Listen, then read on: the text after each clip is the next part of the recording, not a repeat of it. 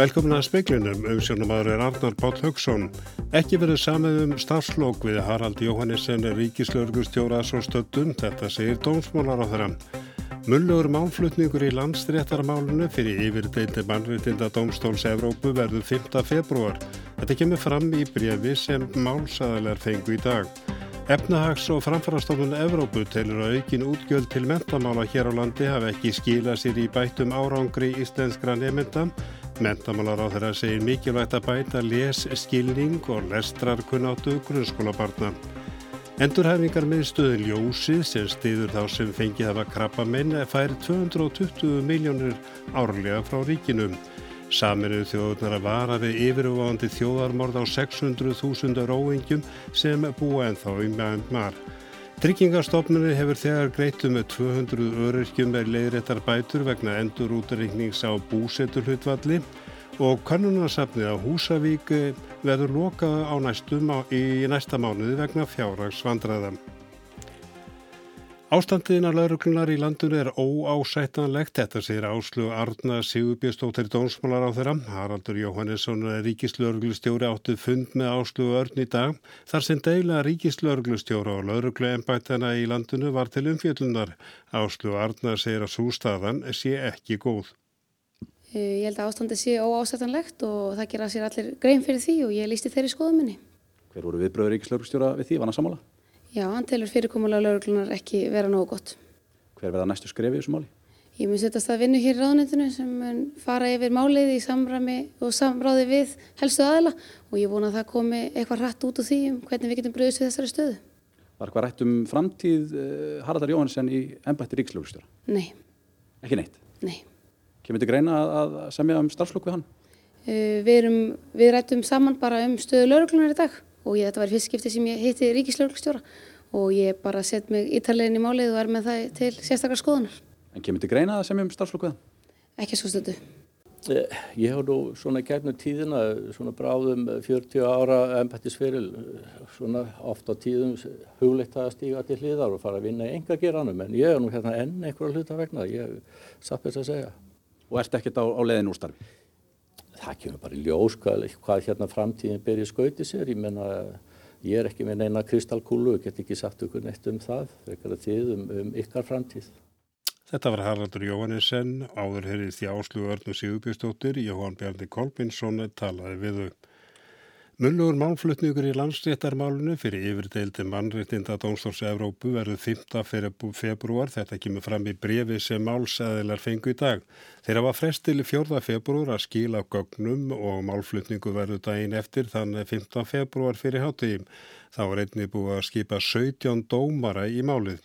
Yfirdeildi mannréttinda Dómstóls Evrópu tók afstöðu til 21 úrskurðar í síðustu viku en ákvaða að taka þess eitt mál fyrir, það er landsréttaramáli svo kallaða, áfriðun Íslenska ríkisins á úrskurði neðri deildar Dómstólsins um að ekki að veri rétt staðar skipun dómara við landsrétt. Mannréttinda Dómstólin er dæmt í mars að Íslenska ríki hefði broti gegn sjöttu greinum mannréttinda sáttmála Evrópum. Ríki var dæmt til að greiða um 15.000 eurur eða rúmlega 2 miljónir króna í málskosnað. Sigriður Andisen sagði af sér sem dómsmálan á fram eftir að mannréttinda Dómstólin dæmt í ríkið brotlegt í mars. Rannsóknanemndi mannréttindar á sér saminnið þjóðana telur að alvarlega hætta sé á þjóðarmorði á 600.000 róhingjum sem ennur í Myanmar. 2000 hafa hrakist að heiman að undaförnum undan ofsóknum yfirvalda. Rannsóknarnemndin kynnti í dag skýrslu sína um ástandið í Myanmar. Hún hefur þegar komist að þeirri niðurstöðu að þjóðarmorð hafi verið framið árið 2017 og krefst þess að hæst settu herrfóringja landsins verið sótið til Saka þar á meðal aðist yfirmadurinn Mín Ong Kljang. Það ár flúðu 740.000 róhingar til Bangladesh. Í skýrtlunni segir að hverfandi líkur séu á að þeim verði leift að snúa aftur heim. Þá sæti þeir 600.000 ofsóknum sem eftir eru. Þeir búi við ömurlegar aðstæður sem fari sífælt versnandi. Ráðamenn þræti fyrir að beita fólkið harðræði, eðilegi sönnargögn og neiti að taka þátt í rannsókn og glæponum. Yang Hee Lee sem styrt hefur starfi rannsóknar nefndarinnar greindi frá því að 65.000 róhingjar í héröðunum Rakín og Síni hafi hrækist að heiman það sem aðver ári. Hún fór á dögunum hörðum orðum um Aung San Suu Kyi leið tóa Myanmar og sagði hann að vaða í villu um mannrættindabrót og ofbeldi gegn róhingjum. Hún ætti að rýsa upp og tjá sig um þá meðferð sem róhingjar hefðu sætt áratugum saman. Bandarækjaman samþyktu í sumar refsi aðgerðir gegn yfirmanni hersins í Mjanmar og nokkrum herfóringjum og líktu aðgerðum þeirra við þjóðverðnis reynsanir. Lý segir að Suki eigi skilið sömu meðferð. Hún eigi ekki skilið að vera kolluð baróttukona fyrir líðræði. Áskýr Tómasson saði frá. Svandís Svavastóttur heilbyrjistæðra hefur falið sjúkratryggingum Íslands að gera þjónustursamning til þryggja ára við endurhæfingar og stuðnismiðstöðuna Ljósið sem stutt hefur þá sem greinstafa með krabbameini síðan 2006. Ráður að segja að fyrir tveimur árum hafi Ljósið fengið staðfesting á því að það væri heilbyrjistofnun að mati embættis landlagnis. Þá má segja að hafi svona opnast ákveðin leið til þess að við segðum já, þarna er skýr helbriðs eh, í gangi og, og hana viljum við fjármagna og hana viljum við eh, styðja við vegna þess hversu mikilvæg hún er og, og nú höfum við fjármagn til þess að ráðstafa inn í þryggjára samning þannig að ég hef sendt sjúkratryggingum Íslands bref þess efnis að, að sjúkratryggingar gangi til samninga við ljósið um þessa mikilvægu þjónustu. Hvað eru fjárhæðirnar? Við gerum ráð fyrir 220 miljón króna á ári með við uh, fjárlögin eins og þau líta út núna eða fjárlagafrumvarfi fyrir næsta vetur þannig að, þannig að þarna erum við að tala um umtalsvert, umtalsvert fjármagn til þess að halda utanum þessa dýrmættu starfsemi fyrir fólk sem að, uh, er að glíma við krabbmein. Saði Svandís Svavastóttur í vitalegi Þórdísi Arljóðsdóttur. Ferðamenn slupp með skrekkin í reynisfjöru í hvassveri sítis í gær þegar alda skall á þeim og þeir mistu fótana. Pascal Elisabeth Skúradóttir leysugumöður segir fólkið engan veginn hafa gert sig grein fyrir því í hversu mikilli hættu það var. Fólki hafa verið þarna á eigin vegum ánleysugumans eftir því sem hún komst næst. Hún segir að varuðarskilti séu ábrendi í reynisfjörum, fjögur til fimm stykki og á nokkrum tungumálum. Helmingur ferðamannan lesi ekki einu sinni skiltin og fólk takið þjótt illa að vera vara við. Á myndskeiði á rú.is sérst hvað sjóri náðim langt upp á land. Konnasafninu á Húsavík verður lokað í næsta mánuði vegna fjárasvandræðan. Húsnæði sapsins hefur verið sett á sölu og verða munir þess geimdur í geimslum. Sapnið óskaði nýverið eftir styrk frá Norðurþingi en þeirri byrjunni var hafnað. Sapnið var fimm ára í vor en það er helgað sögu landkunnunar mannsins. Örlegur Hnevill Örlegsson, formaður stjórnar sapsins, er þrátt fyrir erfiða stöðu ekki á baki dottin. Hann vonast til að koma sapninu aftur upp. Fjárhagstaðan hefur verið erfið hjá okkur senast árið og þetta er viðbröð við því en við höfum vendingar um að geta komið þessu sapnið aftur en fjárhagurinn er þungur og það er það sem neyður okkur í þessar aðgerði. Örlegur óskaði nýverið eftir stuðningi frá bæjaráði Norðuþings en þeirri beðni var hafnað. Í fundargerð ráðsinn segir að sapnið sé aðdráttarafl í flóru menningar á svæðinu. Þrátt fyrir það taldi ráðið ekki fjáraslegar forsendur fyrir því að koma til móts við beinina. Við sendum þarna inn, inn styrkbeini til sveitafélagsins. Það hefur styrkt önnur söfn á Húsavík og, og við hefum ekki, ekki áður sótt um stuðning þannig að okkur fannst þetta sem verðt að reyna það en því var hafnað. Saði örlegur Nevill Örlegsson og Óðinsvann Óðinsson rætti við hann. Lítil hlaupi nú í skaftá í tilkynningur á veðurstofunni segir að reynsli hafi aukist lítilega í áni en rafleinu aukist jamt og þétt síðan fyrir helgi. Hlaupi kemur úr vestari skaftárkalli en síðast hljópur kallunum í ágúst í fyrrasumar og því ekki búist við að hlaupi verið stórt. Fólkir bent á að standra ekki lengi við en álagt upptökum áreinar vegna hugsalega gasmengunar. Veðurstofan fylgist með gangi mála. Framkvæmdir við endurbætur á Þingvallavegi hafa staðið yfir með hljöfum frá því júli fyrra. Lengi hafði verið kallað eftir endurbótum. Vegurinn var verulega illa farin, var verulega farin að láta á sjá og bara ekki aukna umferð. Þá voru vegakslir farnar að gefa sig sem jók slísættu verulega. Fyrir hluta framkvæmdara lauki óttubur í fyrra en framkvæmdur hófust að nýju í byrjun sömas. Nýju vegurinn sem kostaði um 780 miljónu króna liggur á sama stað en hefur verið algjörlega endurbyggður. Hann á aukaður ekki og bæta umferðum þingvelli. Sigur Ingi Jóhansson, samgöngur á þeirra, opnaði veginn formlega í dag. Það er náttúrulega bísna flóki verkefni að leggja hér veg, umferðar örugan veg í gegnum þjóðgarðinn en mér sýnist að við tekist frábælega vel til að samina bæði náttúruvendina, umferðar öryggið og að búa til þennan glæsilega veg. Vegurum var auðvitað stór hættulegur eins og hann var fyrir og vorum búin að upplifa hér slis þar sem að kantar voru að gefa sig. Þannig að hér er bara komin umferðar örugur vegur sem að vonandi þólir alla þá umferð sem hér hefur auðvitað markfaldast á síðustu árum. Saði Sigur Ingi Jóhansson samgöngur á þeirra. Nauðsilegt er að bæta kennslu hér á landi meðal annars með aukinni starfstjálfun kennar og endurumendun. Þetta kemur fram í nýri skýslu OECD efnaðas og framfarastofnarinnar um íslensk efnaðasmál. Stofnunin bendur á að þrátt fyrir að útgjöld til mentamála hafi aukist á síðustu árum hafi það ekki skilað sér í bættum árangri íslenskra nemynda í PISA-könninni. Stofnunni spyr en fremur hvort þörf sé á sjö háskólum í jafn fámönu landi og Íslandi.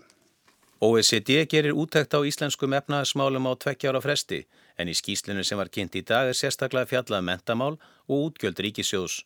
Stofnunum tilur að efnahagsumhverfi hér á landi sé almennt heilbrygt jöfnuður óvíða meiri og staða ríkisjós traust. Spáð er 0,2% hagvesti á þessu ári og hann verði 2,2% á því næsta. Hins vegar séu blikur á lofti efnaðasmálum að heimsvísu og því geti það haft neikvað áhrif á útflutnisgreinar og komu erlendra ferðamanna hinga til lands. Stopnunin segir að reglur í íslensku atvinnulífi séu of íþingjandi og hvetur stjórnvöld til að halda áfram með áallanir um sölu banka. Já, svona þegar staða Íslands er sett í samanburð við önnur OECD-ríki þá komum við vel út á langt flestu mælikvörðum og hlutir hafa verið að þróast í rétt átt. Það er hins vegar ávall mjög mikil áhersla lögð á það hjá OECD að við aukum framleinina og fáum betri nýtingu á það fjármagn sem eftir staðar, sköpum líka kvata og beitum svona stjórnkerfinu eða aðgerðum til þess að ná betur okkar markmiðum og í skýslunum er þess að finna fjölmörg dæmi um svið þar sem við getum gert betur þó að staðan sé góð. Og hvaða svið eru það aðalega? Já, það er í ofnbjörnum rekstri, það þarf að huga vel að því að, að svona ábata greina fjárfestingar hins ofnbjörra. Það er kvartis að við höldum áfram uppbyggingu innviðana, það er lagt til að við losum um eignarhald á fjármálafyrirtækjum og nýtum fjármagnum með öðrum hætti. Það er bent á mikilvægi þess að fjármunir nýtist vel í stóru kerfunum okkar eins og í heilbríðskerfunu og í mentamálum eru líka nokkuð ítalega farið yfir ímsa þætti sem að má segja að drægi fram uh, ákveðna veikleika í samanbyrðu við ön, önnu lönd en tækifæri til þess að gera tiltölu einfalda breytingar og ná meira árangri. Saði Bjarni Bendisson fjármálar á þeirra. Það er einmitt í kapla skýslunar um mentamál sem OECD segir að Íslands stjórnvöld geti bætt sér verulega. Stopnunin bendi meðal annars á að þrátt fyrir að útgjöld til mentamála hafi aukist á undanförnum árum hafi það ekki skilað sér í bættum árangri íslenska nefnda í síðustu PISA-könnunum. Bæta megi læsi með því að hafa lestur lengur sem kjarnafæði grunnskóla og einni megi bæta kennslu með aukinni starfstjálfun kennara og einstaklingsmiðaðri endurmentun. Lilja Alfredsdóttir mentamálar á þeirra tekur undir mikilvægi þess að ebla leskilning og lestrar kunnáttu grunnskólabarna. Við sjáum það líka að börnmanna móðumálun í íslensku að, að þeim vegnar ekki eins vel í skólakerfinu og við þurfum að veita þeim framhúsgarandi þjónustu eins og, eins og öllum börnum á Íslandi. Við þurfum líka að ebla starfsnámið og við erum að gera það og við höfum verið að sjá verulega aukningu þar. Þetta er svona þrennt sem er dettur í hug en ég nefni enn og aftur alltaf lesturinn vegna þess að hann er djúpur og mikill leskilningur og það er grunnurinn öllu öðru. Bendir þetta til þess að við séum ekki að nýta fjármagnið rétt? E, við þurfum að huga að þessu, við þurfum að taka þetta mjög alvarlega þessar niðurstöður sem, sem koma. Ég held að þetta snúist líka svolítið um hugafar, hvernig við nálgumst mentun og öll þjóðin þarf að átta sig á því og við höfum auðvitað árhundraða hefði í því að, að, að lesa og kunna að meta bókmentir og við þurfum bara svolítið að, að fara bæði aftur í þann tíma en inn í framtíðina vegna þess að ég vil meina það að okkur hafi vegnað vel á 20. öldinni vegna þess að við höfum alltaf verið, það verður alltaf verið mikil áhersla lögð á, á bækur og lestur og við þurfum svolítið að taka það svona aftur til okkar til þess að við séum í jafn góðri stöðu eins og við vorum í upphafi 20. aldarinnar og núna 21. aldarinnar. Við höfum allt í þetta. OECD tilur að miða eftir fjármögnun háskólastiksins í auknum mæli við árangur nefenda og þarfir vinnumarkaðarins Stopnunin spyr ennfremur hvort þörf sé á sjö háskólum í jafn fámunu landi og Íslandi. Margir hafa verið að benda á þetta og ég held að við þurfum að finna auðvitað eitthvað jafnvægi þessu eins og öðru. En það er líka auðvitað aðteglisvest að, að mentunastík þjóðurinn hefur hækkað mjög örst eins og kemur líka fram í skýslunni á síðustu tíu árum og auðvitað er umhverfið háskóluna allt annað í dag en það var fyrir 15 árum. En ég hef líka miklu að trú á því að sé háskóluna líka svolítið sjálfra að aðtuga hver er þeirra framtíð. Við komum og styðjum við það. E, við erum núna að búa til nýtt reikni líka, en var þar fjármögnun háskólastiksins og ég tel að stjórnvöld eigi að hafa skoðun á því hvernig þessum fjármunum er varið. Við vitum að þeim er velvarið en þurfum við til að mynda að huga að því eins og þegar það er, er vöndun hjá ákveðni starfstjétt, við gerum það núna eins og varandi kennaraðgerðinar, við erum að setja ríkisvaldi þó að grunnskólinn og leikskólinn sé ekki, við höfum ekki fjárhærslega ábyrð en við ákveðum engu að síður að setja fjármunni í þessar aðgerðir að því að við höfum bara þá trú að kennarin skipti svo óbúslega miklu máli því að hann leggur grunnina öllum öðrum störfum. Segir Lilja Alfredsdóttir, hauskuldur Kári Skram tók pistili saman.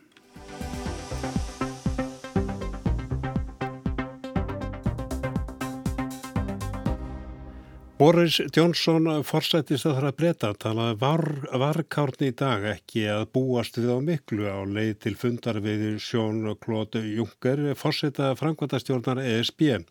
Sjáum hvað setur, saði Juncker, þrátt fyrir samningstali hefur Jóns, Jónsson ekki verið að flýta sér til fyrsta fundarins við Junker og slæðir áfram úr og í um samningslausa útgöngun. Sumir stjórnmálarskýrindu telja þetta yfirlöð ráð til að ná samningi. Aðri velta fyrir sér hvort það sé heil brú í viðletni bresku stjórnarinnar. Þegar Boris Johnson, fórsætsræðara brettaði, fengið sig sattan af hátæðisverðurum í dag í bóði Jean-Claude Junckers, fórsætta framkvæmta stjórnar ESB, eggjarétti, risotto og berjum, lendan í ógöngum.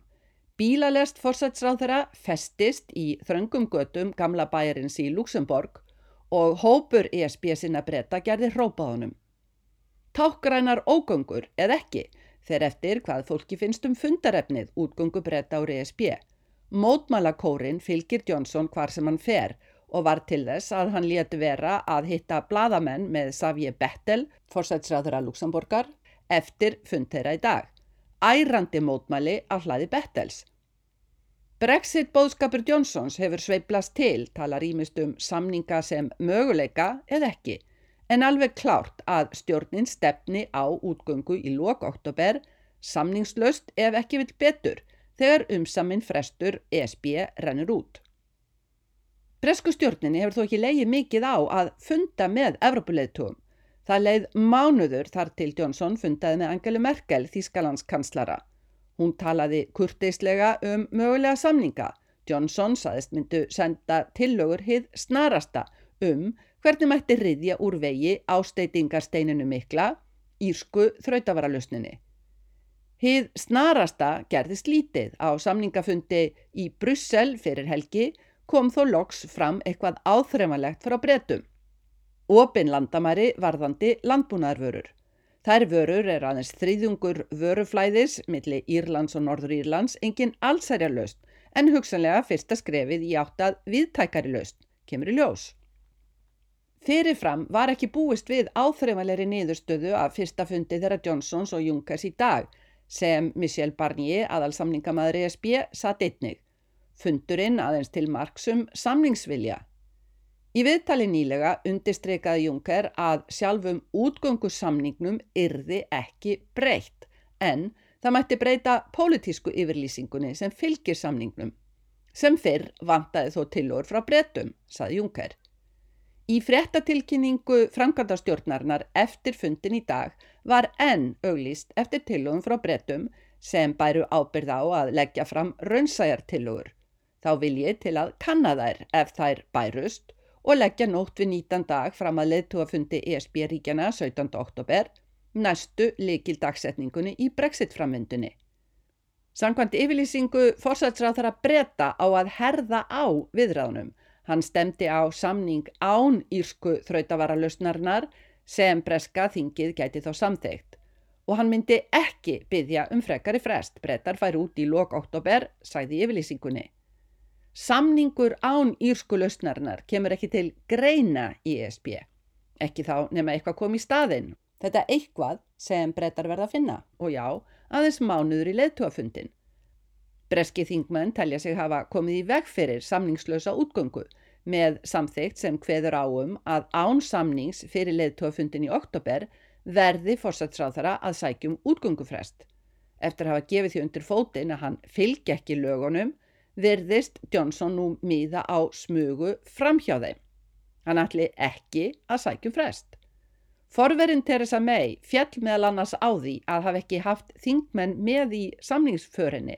Náu Johnson samningum gætan uppgötvað rétt eins og May að eitt er að ná samkómulegi við ESB og það er erfitt. Annað að fá samþyggi þingsins heimafyrir. Stjórnin hefur ekki meiri hluta. Johnson hefur ekki, frekar en May, notað kraftana í að byggja samningsbrýr heimafyrir en anstætt henni virðist hann gera sér farum að egna anstæðinga sína til reyði og ganga fram af þeim. Þetta að slá úr og í um samninga er kannski til að halda öllum leiðum opnum. En Johnson hefur um leið búið til fjallháar væntingar eða ógnun með því að lofa eða hóta samningslausri útgöngu. Sumir sjá í þessari nálgun fórsætsráð þeirra við sama heikashortnið og alltaf hann haf aldrei verið góður í smáutriðum viðfangsefna sinna og hafi núna ekki hugmyndum hvert markmiði sé. Aðri telja þetta snildarbrað að halda öllu ókláru og opnu því þannig sé lag til að koma óvart og ná árangri. Það fyrir að stittast í að afleikurinn eða snildin ofinberist. Og það var Sigrun Davíðsdóttir sem saði okkur frá því nýjasta í Brexit.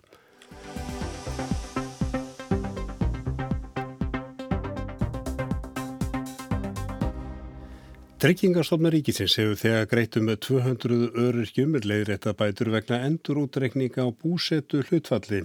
Umbósmaður alþingis komst þær niðurstu í fyrra útreikningarstofnarinnar ættu ekki stóði í lögum.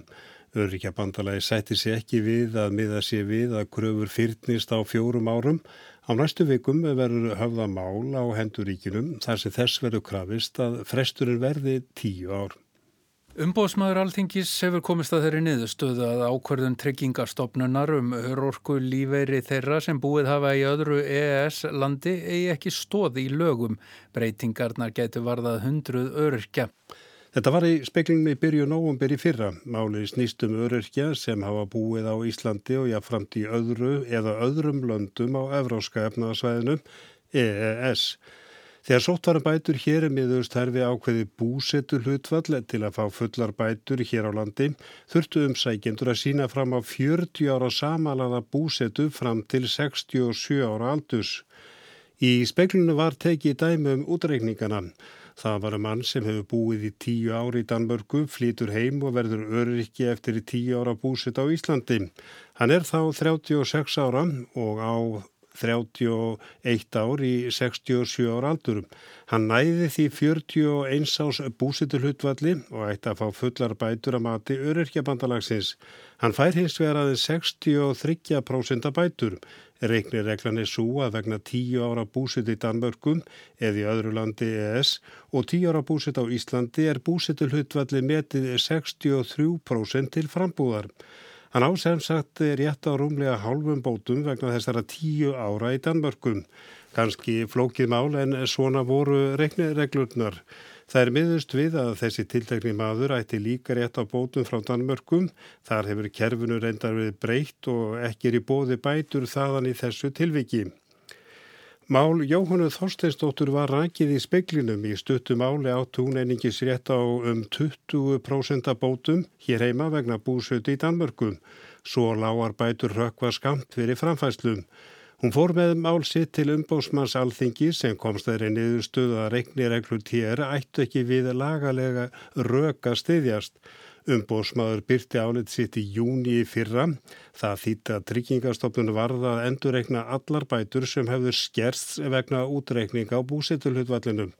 Fljótuða komi ljós að það væri þarfið flóki meðal annars vegna þess að leita þurfti upplýsinga í öðrum löndum um hugsanlega greiðslur þaðan að ráðneitið ákvað að miðað yrði við endugreiðslur fjögur ára aftur í tíman eða miðað yrði við að fyrningarfresturinn yrði fjögur ár.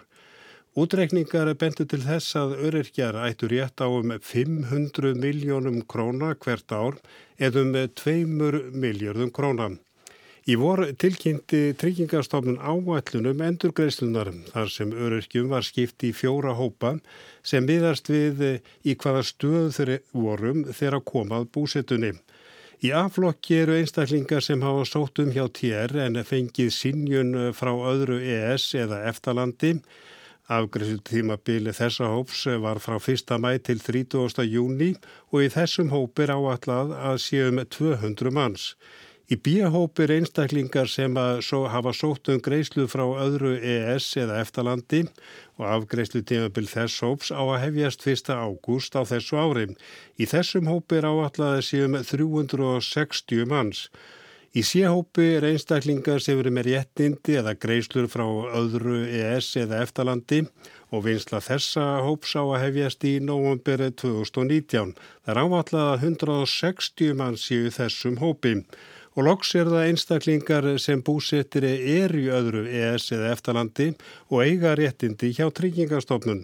Vinslan eh, mála hjá þessum hópin hefst í mars á næsta ári og það er áallega 350 manns í þessum hópi.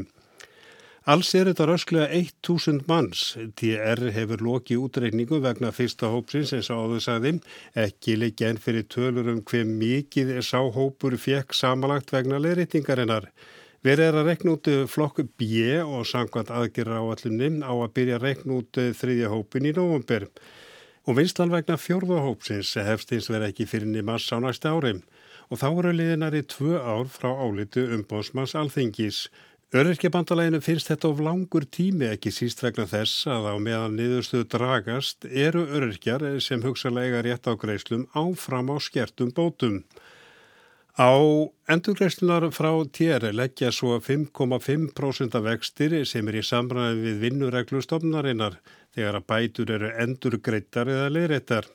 Jóhanna Þorsteinstóttir sem hrattestari skrið á stað var í A-floknum og hefur því fengið leiðrætingum.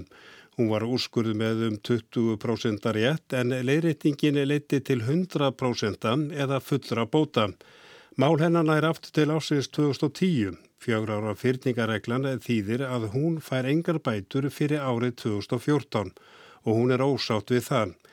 Í stað þess að hún og jafnvel einhverjir fleiri höfðu mál gegn ríkinu hefur örgjabandalagi ákveð að höfða mál fyrir hönd allra þeirra sem fengu skertarbætur vegna búsetulhutvalsins.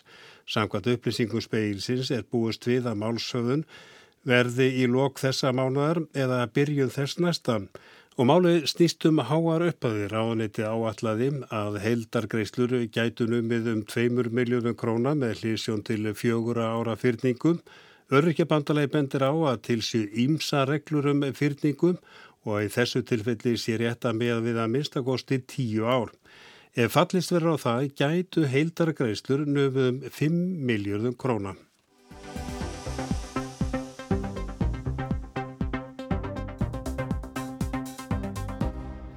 Það var helst í speiklunum að ekki verið samið um starfslokk við Haraldi Jóhannesson ríkislauglustjóraðs og stöttum, þetta segi dómsmálar á þeirra. Mál, munlugur málflutningur í landsréttaramálunu fyrir yfirdeildi mannréttinda dómstólsins Evrópum verður 5. februar, þetta kemur fram í brefi sem málsaðilar fengu í dag. Efnahags- og framfærastofnuninn telur að aukin útgjöld til mentamála hér á landi hafa ekki skila sér í bætum árangri íslenskra nefnda. Mentamálaráðara segir mikilvægt að bæta leskilning og lestrarkunnáttu grunnskólabarna og endurhæfingamistulinn ljósið sem stiður þá sem fengið hafa krabba meginn fær 220 miljónir árlega frá ríkinu. Kíkjum aðeins til veðus, veðurhorfur, vestan 8 til 13 metrar á sekundu sunna til en annars norrlæg 8 3 til 10, dálitlar skúrir norðaustan 3 til 10 norðvestanlands á morgun, en hægar í öðrum landslutum, stöku skúrir suðaustanlands en annars þurrt, hitti 3-11 stig en víða næturfrost. Tæknumari kvöld var Magnús Þorstin Magnússon, verið sæl.